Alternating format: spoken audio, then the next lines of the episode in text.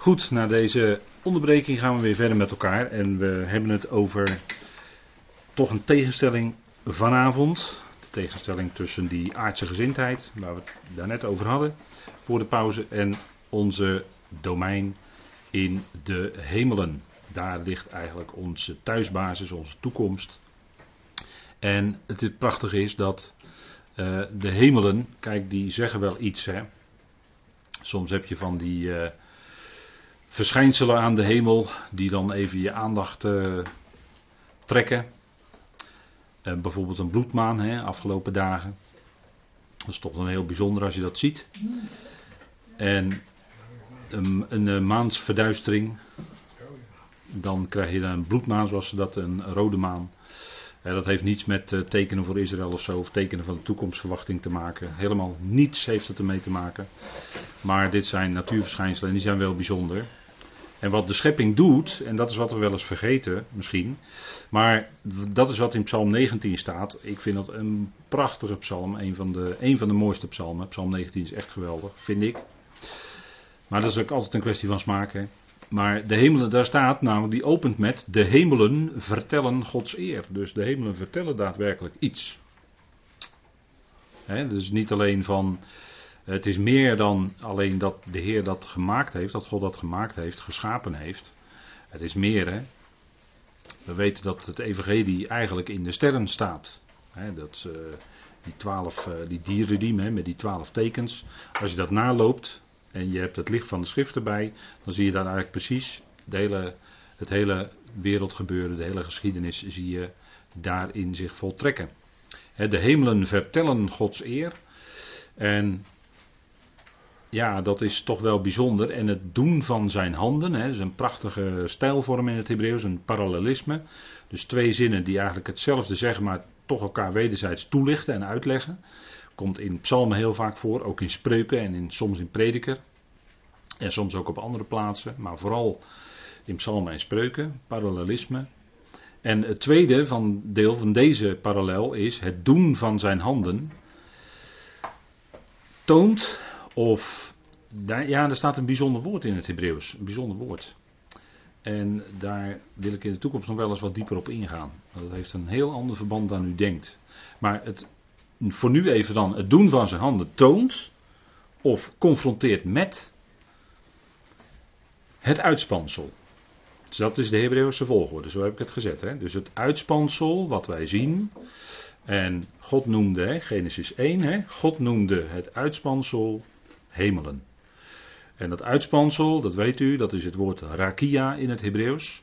En dat betekent met iets wat echt onder spanning staat. Dan is het zo uit elkaar getrokken en dan staat het onder spanning.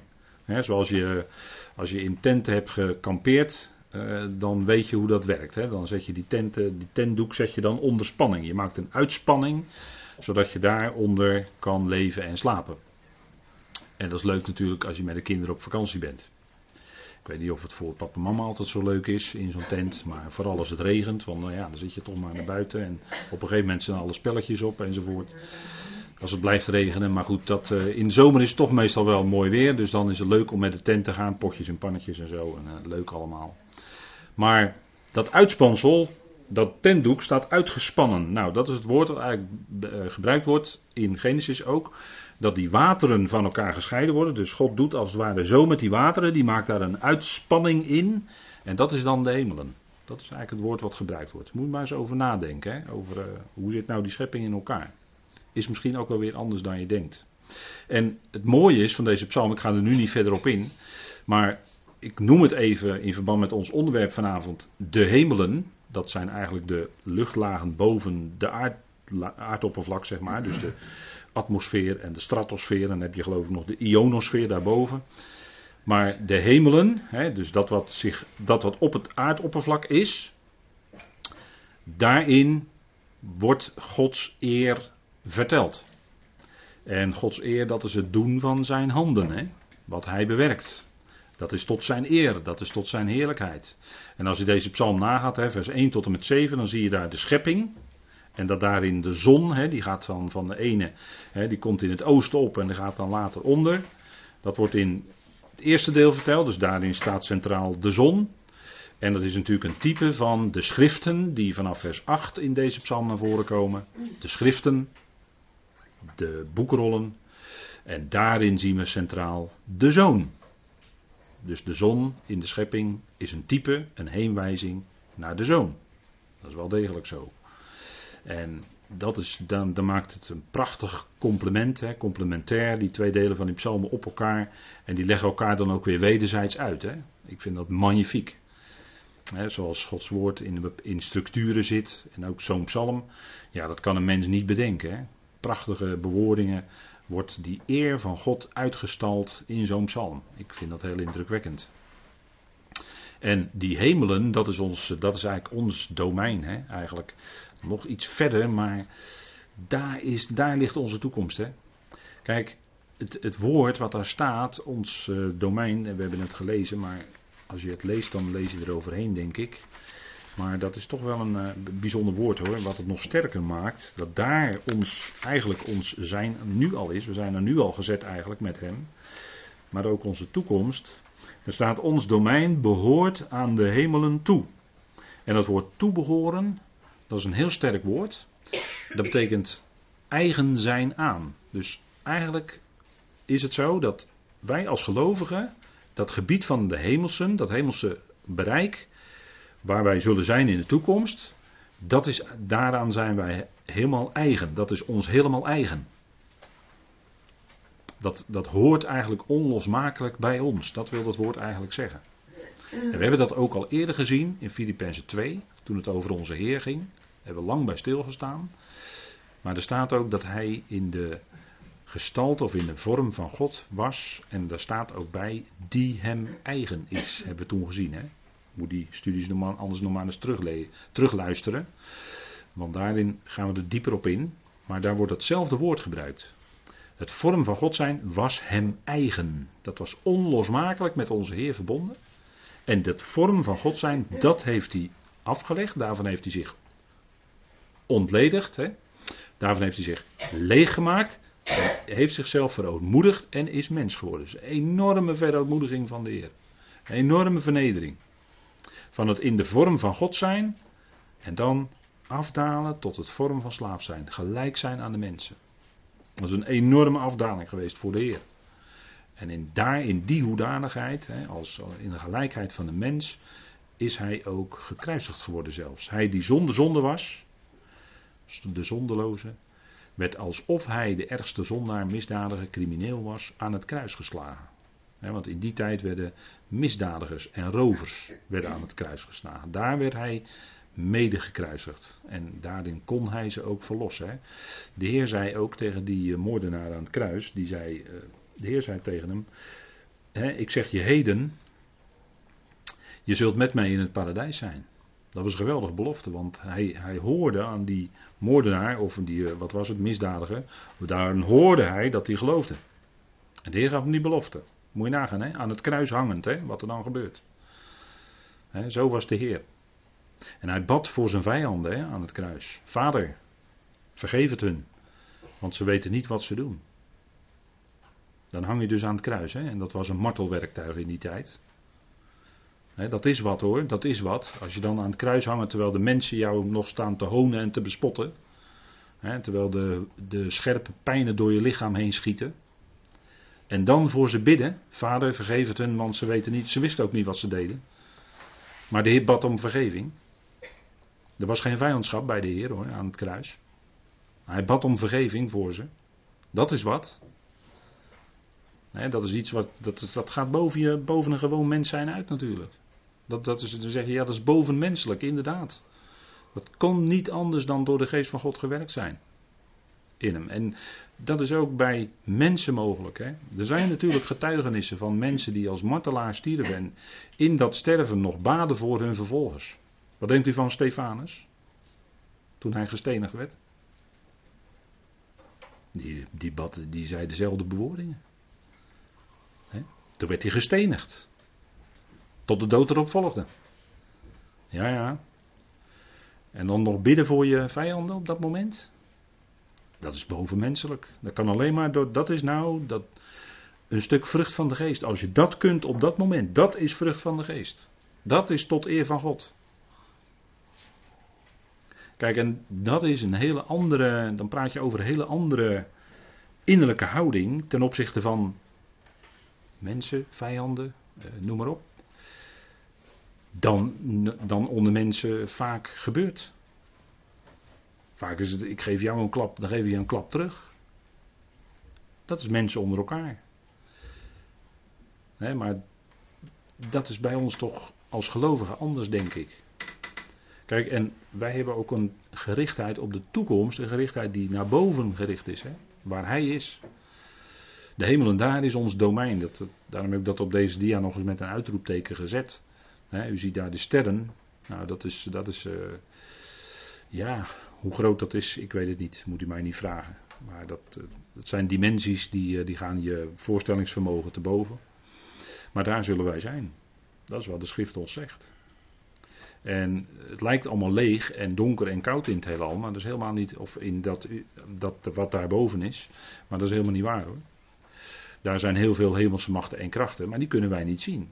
En daarom denken wij dat er niets is. ze, met scherpe instrumenten luistert men wel in het heelal en dan gaat men zoeken naar leven op Mars en daar een karretje, weet ik wat. Maar en dan zeggen ze ja, er is geen leven. Of in ieder geval geen eh, zoals mensen. Maar uh, zij kunnen die geestelijke machten en krachten die zich daar wel degelijk bevinden, kunnen zij niet waarnemen. Dat is het punt. En wij kunnen dat in de toekomst wel. Hè? Dan worden, worden we onze vermogens daarvoor geopend. Nou, en het geweldige is dat uit dat domein, hè, er staat waaruit, want we kijken s'avonds wel eens omhoog, denk ik. En zeker in de zomer, als de luchten helder zijn, dan heb je een prachtige sterrenhemel. En zeker in het Midden-Oosten, als je daar dus bent. En uh, mensen doen dat wel eens, gaan ze overnachten in de woestijn. Dan heb je een prachtige, heldere sterrenhemel. Dat schijnt heel mooi te zijn. Maar dan zie je daar waar ons toekomstgebied is en ook dat domein. En dan staat er waaruit, en dat woord waaruit wijst terug naar domein. We zouden denken hemelen, maar eigenlijk gaat het specifiek om dat domein, wat daar is. Dat, als ik het even met het woord is wat u zegt dat u al kent, ons lotdeel, dat wat ons toegeloot is door loting, is daar. Waaruit wij ook de redder verwachten. En het woord redder, dat komt in de brieven van Paulus op specifieke plekken komt dat voor. Ook hier. Efeze 5, vers 23, een bekende tekst, een hele mooie tekst. Dat hij het hoofd is van het lichaam. En dat hij ook de redder is van het lichaam. He. Maar hier gaat het om redder met betrekking tot de toekomst. Want ja, de Heer is onze redder. En dat geldt niet alleen voor het verleden. Maar dat geldt natuurlijk ook voor het heden. Hè. Wij werden niet alleen gered op het kruis door zijn werk en zijn opstanding. Dat is de redding die in het verleden ligt, waar, waar, waarvan wij nu de vrucht hebben. Maar wij worden gered nu in ons dagelijks leven, in het besef dat we mede gekruisigd zijn met Hem en daarmee rekenen. Daarin zit ook redding. Als je zo rekent, zoals God rekent, dat is nu, dan redt Hij je van een weg van krenkingen en zonde. Dat is ook redding in je dagelijks leven. De wijsheid die je krijgt om het anders te doen, kan je ook redden voor verkeerde wegen als gelovige. De wijsheid die je krijgt als je je leven richt naar zijn woord. Zo, daarin zit redding voor je dagelijks leven. Dat is redding nu. Maar hier, specifiek in dit stukje, gaat het om redding van de toekomst. Hij is niet alleen redder voor het verleden, maar ook voor het heden en voor de toekomst. Alomvattend. En dan gaat het, wat wij verwachten, en dat is natuurlijk geweldig, wij verwachten Hem. wij verwachten de Heer. Die komen zal. En we weten uit Thessalonicense met de bazuin van God. Zo'n gedeelte waar niet zo vaak over gesproken wordt. Waar je in de christenheid niet zoveel over hoort. Maar dat is wel degelijk onze verwachting. 1 Thessalonicense 4, dat is een geweldige verwachting. Dat is het eerste klanken zijn dat. Van onze toekomstige redding, onze toekomstige waar wij naartoe gaan. Die redder is onze Heer. En dat is wat hier aan de hand is, want wij hebben in de toekomst ook nog redding nodig. En waarvan is dat? Nou, dat lezen wij ook in dit stukje. Want hier wordt gesproken over het heerlijkheidslichaam. Hè? Wij verwachten de redder, de Heer Jezus Christus, die ons vernederd lichaam zal omzetten. Kijk, we hebben nu een vernederd lichaam. Ik had het, voor de pauze had ik het over onverderfelijkheid. Nou, dat omzetten is dan van onder andere verderfelijkheid naar onverderfelijkheid. Van zwakheid naar kracht. Van oneer naar heerlijkheid. Die woorden gebruikt Paulus in 1 Corinthië 15. En dat omzetten, ja, dat, is, dat zal in zo'n snelheid gaan, dat zal zo vlug gebeuren. Maar het gebeurt met een enorme kracht. Want er staat in overeenstemming met de werkzaamheid die hem zelfs in staat stelt het al aan zichzelf te onderschikken. Die kracht, hè, met die kracht gebeurt dat. Eens nagaan. En dat vernederd lichaam, dat stervende lichaam, wat steeds meer gaat kraken en piepen naarmate je ouder wordt. Maar dat stervende lichaam, dat vernederde lichaam, wat nu nog aan die aarde gebonden is. Want we hebben, als we de ruimte willen, hebben we een astronautenpak nodig en een raket. Maar dan, bij 1 Thessalonians 4, hebben we dat niet meer nodig. Wel een veranderd lichaam, want anders kunnen we niet in die andere omstandigheden zijn. Dus hij zal ons vernederd lichaam omzetten gelijkvormig aan zijn heerlijkheidslichaam. Nou, dat is natuurlijk een enorme heerlijkheid die hij nu heeft. Hè? Paulus, die zag, of Saulus, zag daar iets van toen hij op weg was naar Damascus en hij was drie dagen blind. Dat licht, hè? die heerlijkheid, die uitstraling. Hè? Dat is, ja, dat is zoiets fantastisch dat Paulus kon dat niet bevatten. Hij had, het, hij had, het, hij had een hemelse visie gekregen. Dat is, zo spreekt hij erover. Hè? Hij had de Heer gezien in zijn heerlijkheid. En dat was een veel grotere heerlijkheid dan dat die andere discipelen hem ooit hadden gezien, andere apostelen. En, en die heerlijkheid, hè, die uitstraling van licht, dat lichaam, dat zal ook ons deel zijn. Hè? Gelijkvormig aan zijn heerlijkheidslichaam. Dan moet u eens voorstellen wat dat gaat betekenen als er zoveel gelovigen zo'n heerlijkheidslichaam hebben, met zo'n uitstraling van licht, in dat, hoe moet je het noemen, universum, schepping, in die schepping, wat dat gaat betekenen voor die hemelse machten en krachten. Dat, is, dat is enorm hoor. Kunnen we ons niet voorstellen. Maar dat zal het wel zijn. Want dat, dat is wat, hier, wat we hier lezen. Hè. En zo redt hij ons in de toekomst van ons vernederde lichaam en wordt het omgezet in een heerlijkheidslichaam. En dan komt hij inderdaad om ons te roepen van deze aarde. Redder. Hij is onze redder. En, en, en dat is wat we heel goed beseffen. Alleen soms denk ik dat we de rijkwijde van die redding. Dat we daar nog heel weinig van, van echt, echt beseffen. Hè? Hoe ver dat gaat. Maar die redding is er ook vandaag. En, en, en hier wordt onze blik gericht op de geweldige toekomst die hij gaat geven. En dan is het allemaal dat vernederde, dat aardse, dat verderfelijke is allemaal voorbij. Dat sterfelijke zal er dan niet meer zijn. Onsterfelijkheid. Hè, waar mensen naar zoeken. Die zoeken naar een soort levenselixer of zo. Dat ze onsterfelijkheid kunnen krijgen of een soort toverdrank. Nee, dat is het natuurlijk allemaal niet. Dat, zijn allemaal, dat is allemaal zoeken naar het echte. En het echte lezen we hier. dat is wat God door zijn geest gaat doen in ons. En dat zal een enorme kracht zijn. En dan zul je versteld staan waartoe God je dan in staat stelt.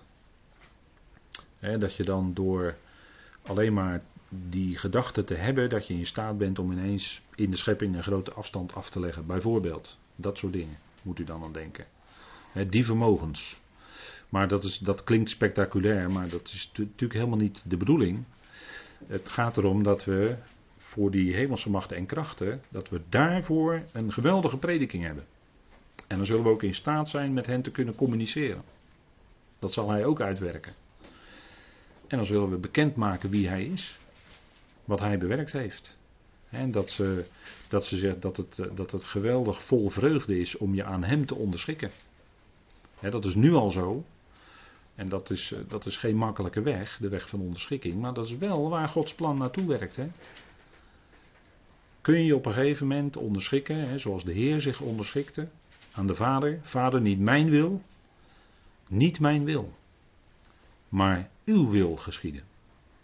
Kijk, dat is je onderschikken aan de weg die God met je gaat. En dat is geen, vaak helemaal geen makkelijke weg. Ons, ons leven is helemaal niet makkelijk. Het is vaak moeilijk. Met veel pijn en moeite. Moeizaam, lijden, druk. Het zit vaak tegen. Allemaal van die dingen. En, en is het dan zo dat je bereid bent hè, je te onderschikken aan die weg die vader met jou gaat? Want we zingen het wel, hè, we zingen het, het prachtig met de kinderen enzovoort. Zingen we Gods weg is de beste, de beste altijd. Maar nu als het erop aankomt in je leven. Gods weg is de beste. Hè? Als, erop, als het er echt op aankomt.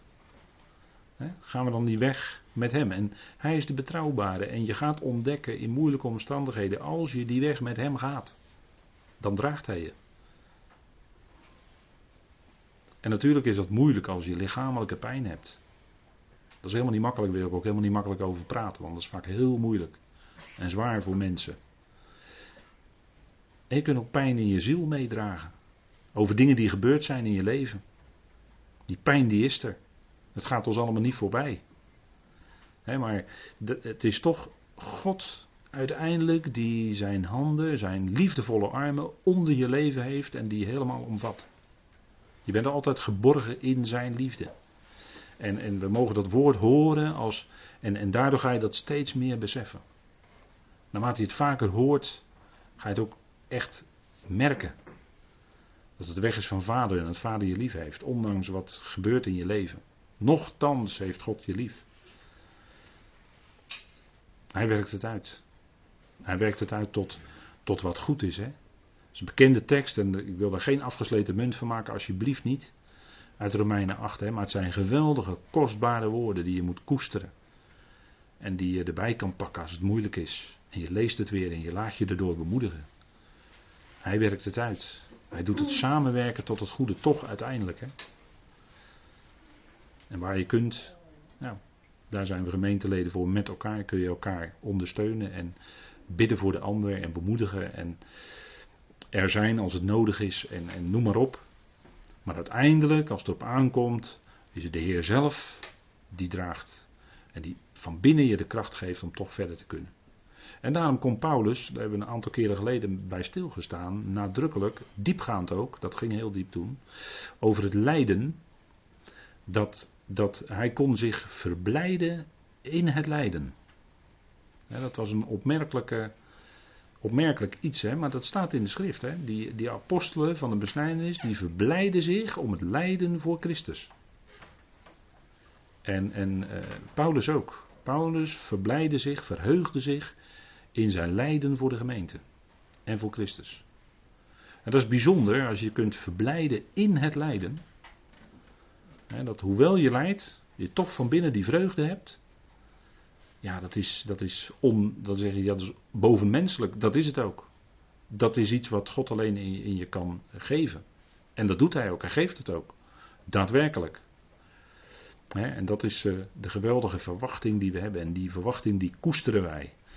Waarom? Omdat het, omdat het je kracht geeft. Het, bijzonder, het is bijzonder als je uitzicht hebt. Als je hoop hebt. Als je verwachting hebt.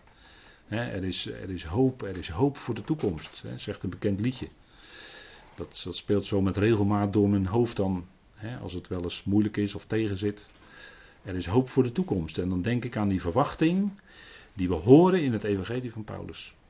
Dat is wat je bemoedigt. Hè? Want kijk, dat is ook wat, uh, wat, uh, wat dat woord verwachten, wat hier staat. Hè? Ja, we leggen op ieder woord, moet ik toch op ingaan, omdat de tekst zo geladen is. Wij verwachten de Heer Jezus Christus. En dat is niet zomaar een, een even afwachten alsof je op het perron van een station staat. Op de trein. Nee, dat is echt met, met van binnen er naar uitkijken. Echt er bewust naar uitkijken. Met inspanning zou ik willen zeggen. Hè? En dan heb ik een aantal, u moet het maar eens nalezen. We gaan het nu niet allemaal lezen omwille van de tijd. Maar die bekende woorden in Romeinen 8. Hè? Wat verwacht die schepping nu? Die verwacht de onthulling van de zonen van God. Wat verwachten wij? Nou, in feite hetzelfde. Het zoonschap. En daar hebben we het weer. De vrijkoping van ons lichaam. Daar heeft Paulus het ook over hier in Filippenzen 3. Dat het lichaam voor ons dat vernederd zal omgezet worden. Nou, dat is die vrijkoping. De vrijkoping van ons lichaam. En dan krijgen we dat heerlijkheidslichaam. Hè? Dat is iets geweldigs. Worden we helemaal veranderd. Dat is een geheimenis. Maar we worden helemaal veranderd op dat moment. Hè? De vrijkoping van ons lichaam. Daar zien we naar uit. En dan heb je ook kracht tot volharding. In het lijden. dat geeft die geweldige verwachting die we hebben. Die geweldige verwachting die voor de hele schepping is. Het is niet alleen voor een klein clubje uitverkorenen of zo. Nee, het is voor de hele schepping. Degenen die uitgekozen zijn, die zijn er juist voor de ander tot zegen. Opdat die ander er ook gaan komen. En die komen er ook. Dat is de, dat is de crux van de uitverkiezingen. Dat is uitgekozen zijn om anderen te bereiken. En je zult ze ook bereiken en ze zullen er ook bij komen. Iedereen, allen. De hele mensheid. Alle schepselen, alle hemelingen zullen er allemaal komen. En degenen die uitgekozen zijn, Israël en de gemeente, die zijn alleen maar instrumenten in Gods hand om de rest te bereiken. Om voor de rest tot zegen te zijn. En die rest is heel groot. Die is heel wat meer dan alleen die uitverkorenen. Dat is eigenlijk de bijbelse notie van de hele uitverkiezing. En wat is daar een enorme verkeerde draai aan gegeven? Helaas, helaas. Helaas. Het is geen doel op zich. Het is een middel om anderen te kunnen bereiken. Om die hele schepping tot onderschikking aan de Christus, aan God te brengen. Dat is het. Dat is waar Gods doel, Gods plan op uitloopt. Hè? Onderschikking. En het is heel fijn als je dat nu al die weg leert kennen van onderschikking. Want die weg van onderschikking, dat is een weg die lijkt soms heel moeilijk, maar het is wel een weg van innerlijke vreugde en van blijdschap. Dat is wel gegarandeerd hoor. Als je aan Hem onderschikt, dan zul je ervaren dat als je weg met Hem gaat, dan is dat de weg van vreugde, van blijdschap, van genade. En, en dat is wat eigenlijk doorklinkt hè, in alle woorden die Paulus schrijft. Dat is die enorme rijkdom aan genade die we in hem hebben mogen ontvangen. Nou goed, tot zover vanavond en dan gaan we de volgende keer weer met elkaar verder.